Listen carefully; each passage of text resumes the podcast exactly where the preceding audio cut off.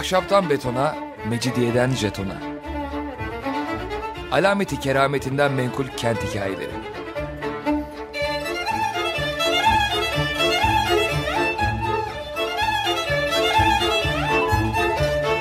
Hazırlayan ve sunan Pınar Erkan.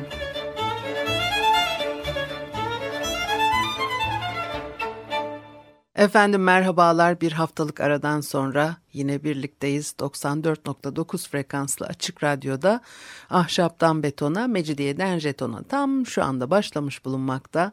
Anlatıcınız ben Pınar Erkan. Elektronik posta adresim pinarerkan.yahoo.co.uk bakalım bugün programımızda neler var.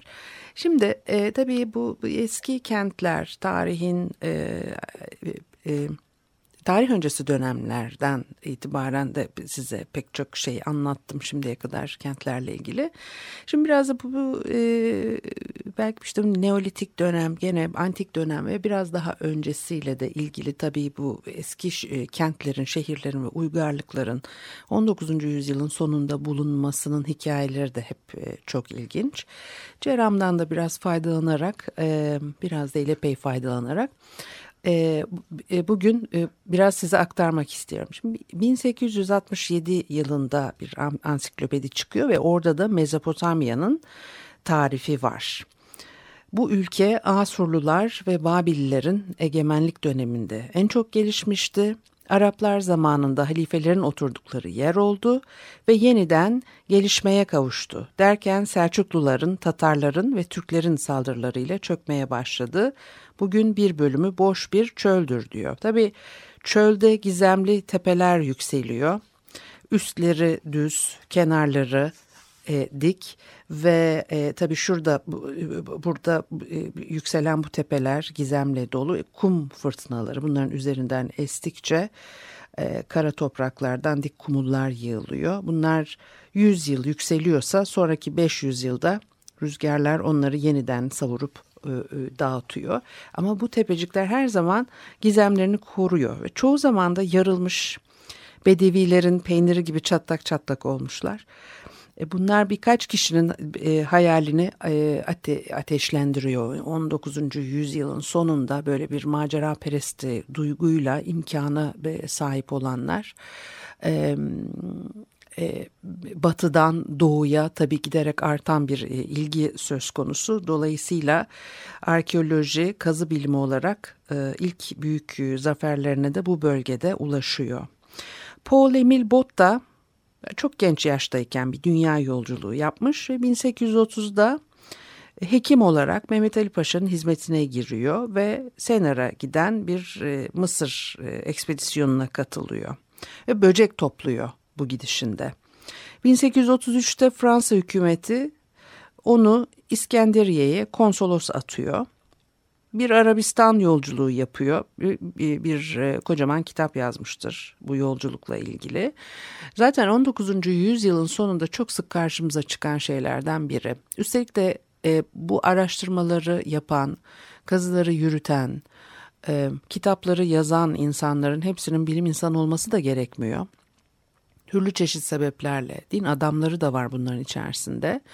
E, doğuya e, giden e, kişiler e, muhakkak bir ekiple veya bir ekibin e, e, üyesi olarak zaten gidiyorlar.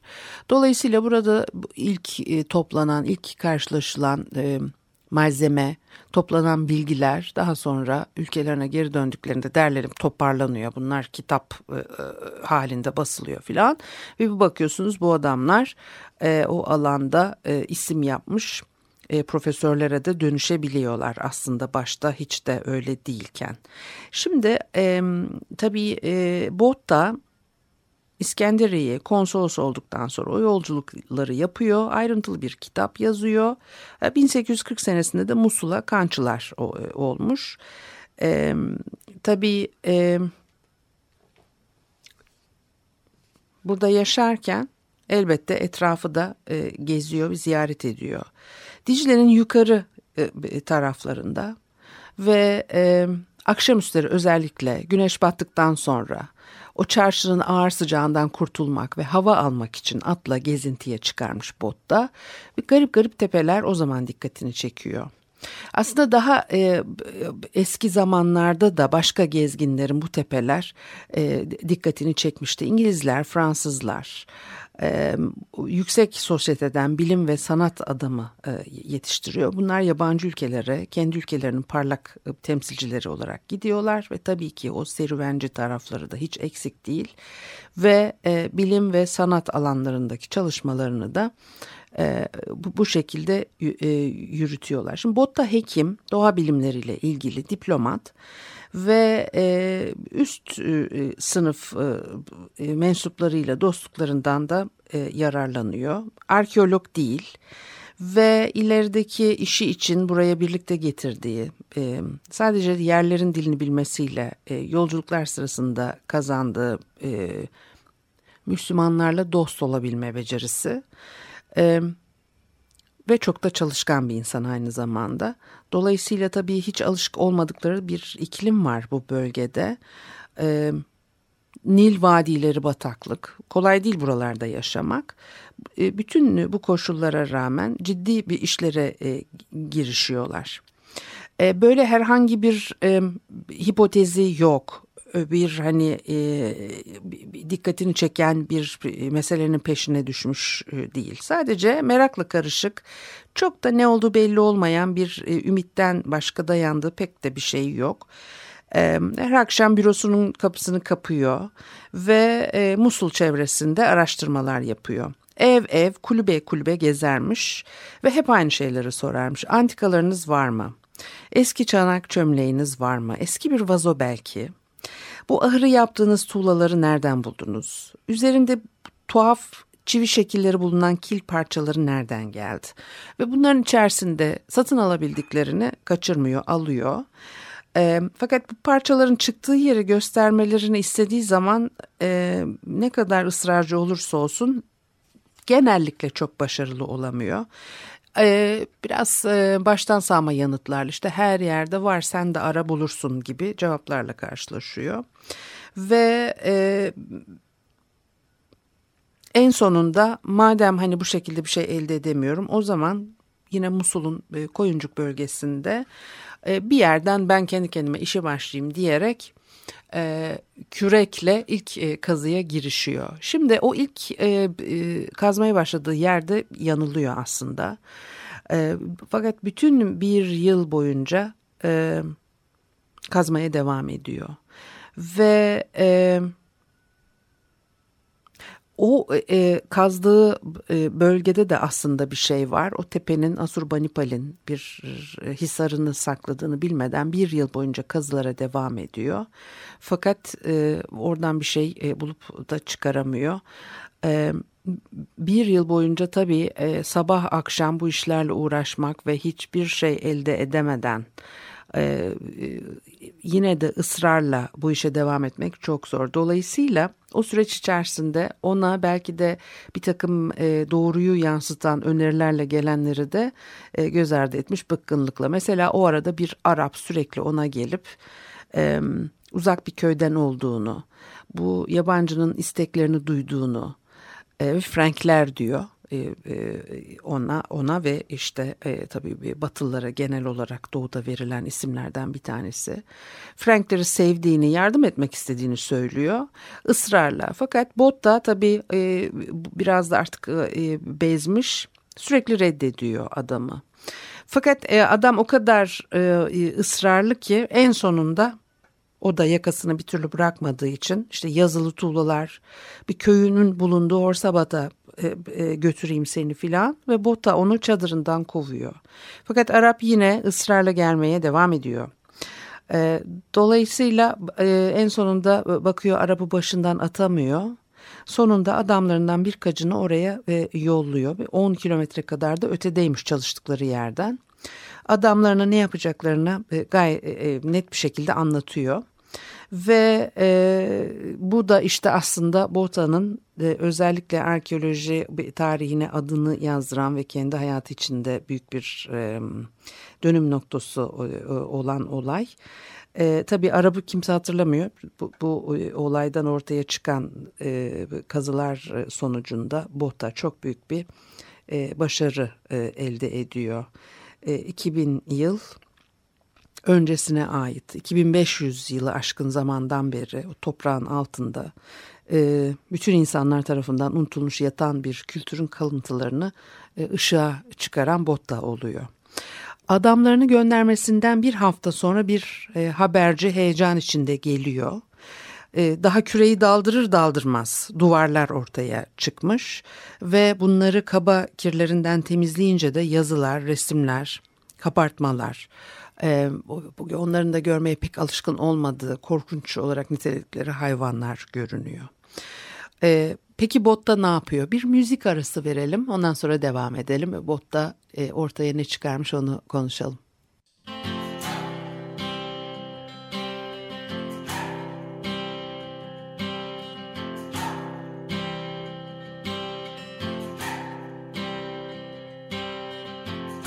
been trying to do it right. I've been living a lonely life. I've been sleeping here instead. I've been sleeping in my bed. I've been sleeping in my bed.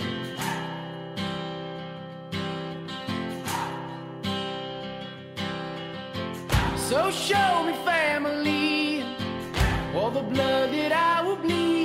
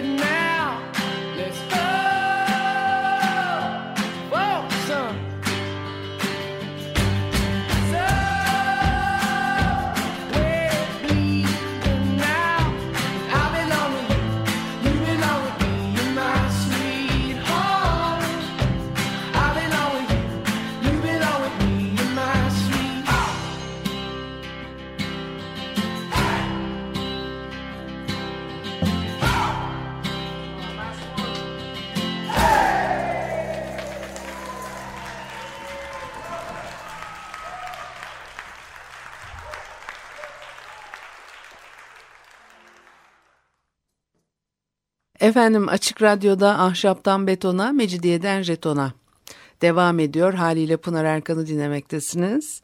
E, Botta'nın e, Musul bölgesinde yaptığı kazılar sırasında ne bulduğunu eski dönemlere ait e, bir e, uygarlığın e, belgesini e, size aktarmaya çalışıyorum. Şimdi e, bir yıl boyunca e, Musul'da bir yeri kazıyor kazıyor hiçbir şey bulamıyor ve tabii e, biraz bezginliği de beraberinde getiriyor bu. O arada e, bir Arap sürekli e, kapısını çalıp e, sizin aradığınız türden şeylerin nerede bulabileceğinizi ben bile biliyorum. Hani beni dinleyin benimle gelin falan. Onu da ön ilk başlarda biraz böyle geri çeviriyor. Fakat en sonunda adam o kadar ısrarcı oluyor ki adamlarını e, gönderiyor ve daha ilk e, kazma küreyi vurdukları anda bir şeyler ortaya çıkmış. Bunu duyunca bot da atına atlıyor ve oraya koşuyor. E, birkaç saat sonra bir hendeye girmiş sakallı adamları, kanatlı hayvanları, her türlü şekil ve tasarımların dışında hatta Mısır'da bile görmediği ve bir Avrupalı gözünün hiçbir zaman e, muhtemelen görmemiş olduğu tuhaf e, figür, figürleri çizmeye başlamış. Birkaç gün sonra adamların hepsini Koyuncuk bölgesinden alıp bu tarafa taşıyor. E, e, o kazma kürekle burada bir işe girişiyorlar. Duvarları ortaya çıkartıyorlar. Bir sürü duvar, çok sayıda duvar ortaya çıkartıyorlar. Sonunda Botta'nın e, eğer Ninova değilse hiç olmazsa eski Asur krallarından birinin en e, görkemli saraylarından birini e, bulduğuna kuşku kalmıyor. E, haberi Fransa'ya, Paris'e yolluyor. İnanıyorum ki diyor ve gazetelerde bunu ilk sayfalarında e, manşetler halinde basıyorlar. Ninova'nın görkemli dönemine ait oldukları haklı olarak ileri sürülebilecek heykelcilik yapıtlarını ilk bulan benim. E, tabii ilk Asur Sarayı'nın e, bulunuşu sadece Avrupalılar için değil, e, bilim yani böyle hani e, gazetede sansasyonel bir haber olmaktan öteye bilim için birinci sınıf bir haber. E, o zamana kadar insanlığın beşiğinin Mısır olduğu sanılıyordu. Çünkü hiçbir yerde insanlık tarihini mumya mezarları ülkesinde olduğu gibi gerilere dek e, e, izlemeyi sağlayabilecek bir e, buluntu elde edilememişti. E, iki ırmak arası ülkesinin e, adı e, e, dini kitaplarda e, geçiyor.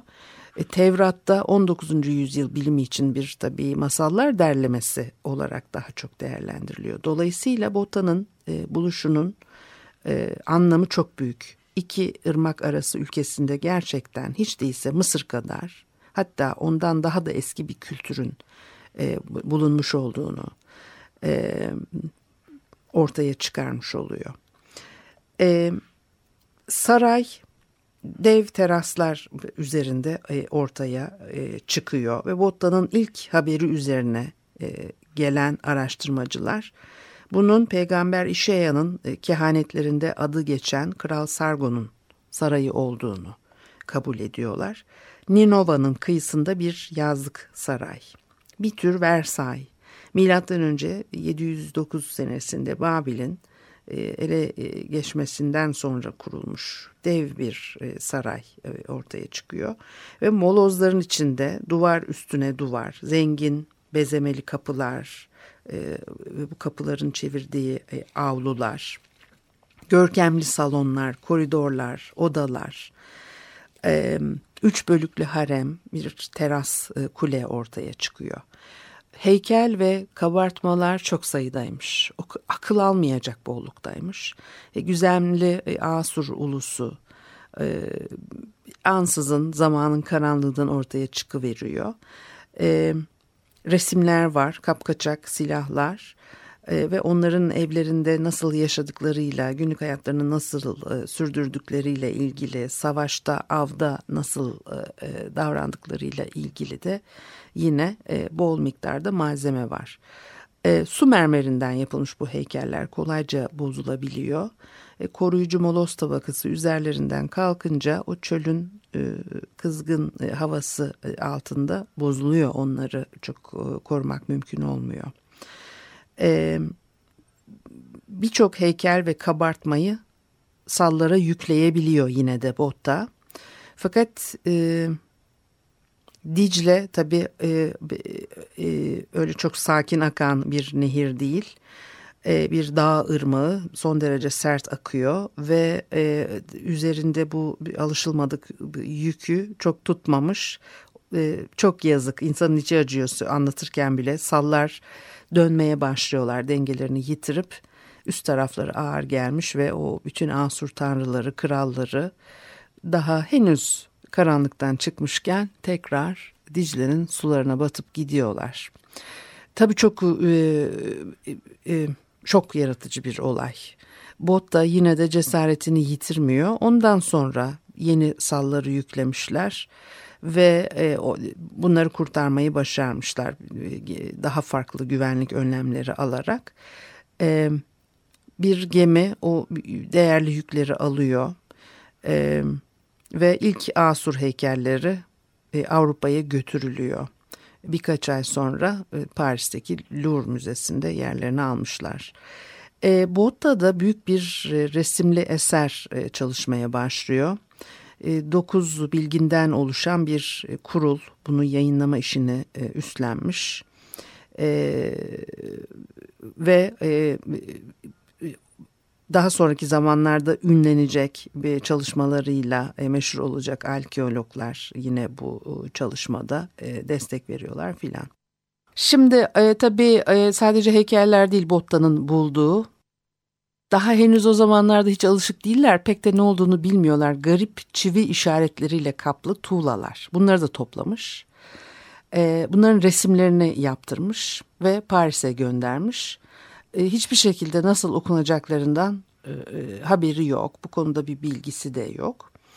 E, çivi yazısının e, çözülmesi için ilk kesin adımı atan çok enteresan bir şekilde öyle bilim aşkıyla falan yapmıyor bunu. Bir Alman 1820 senesinde Göttingen e, şehrinde e, bir okulda yardımcı öğretmen 27 yaşında e, bir genç adam e, bir çivi yazısının ilk 10 harfini e, bir bahs, tutuştuğu bir bahsi kazanmak için okumaya çalışıyor ve çözüyor onu. E, o bir işte böyle tartışma e, konusu olmuş. Şimdi e, gayet e, sıradan bir hayatı olan e, bir kişi, bütün yaşamı e, sakin geçmiş bir kişi e, bu tür çabaların çalışmaların içerisine de girmemiş.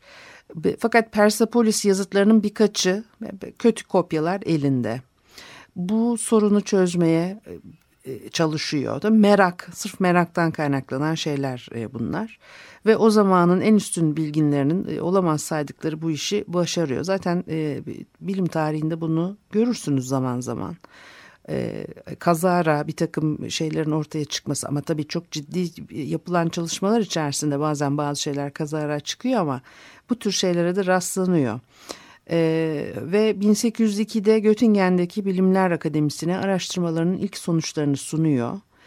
Ee, ve ondan sonra bugün artık e, çok da hani ilgi çekmeyen, unutulan pek çok e, e, filolojiye ilişkin yazıların arasında Persepolis çivi yazılarının açıklanmasına ilişkin araştırmalar e, tabii ilk çabalar olarak e, yerini alıyor ve unutulmuyor onlar. Çivi yazısı konusunda e, e, eldeki bilgiler 17. yüzyıla kadar e, gidiyor.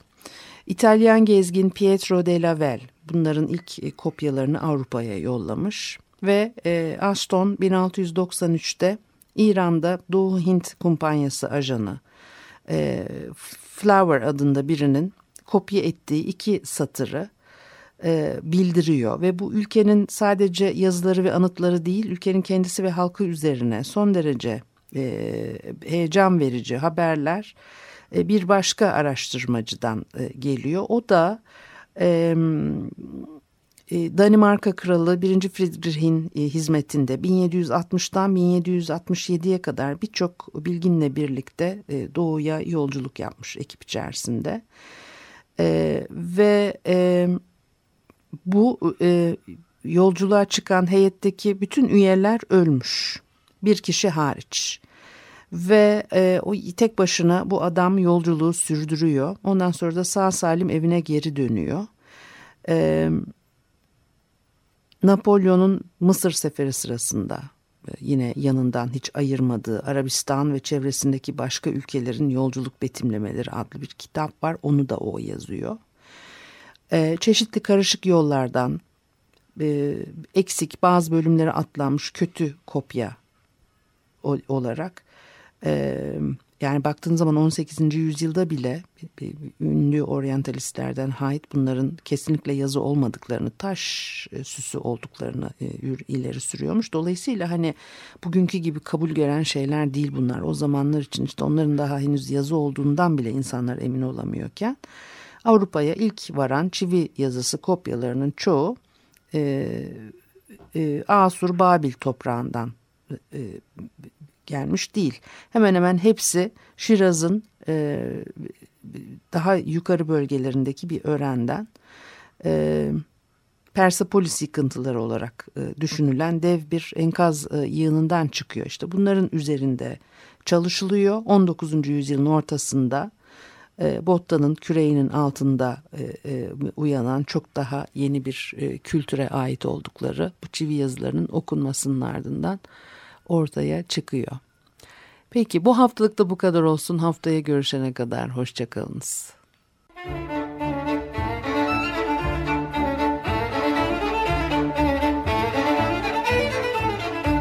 Ahşaptan betona, mecidiyeden jetona. Alameti kerametinden menkul kent hikayeleri.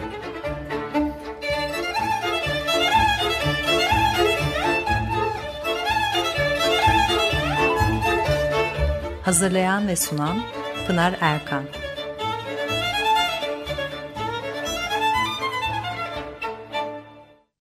Açık Radyo program destekçisi olun. Bir veya daha fazla programa destek olmak için 212 alan koduyla 343 41 41.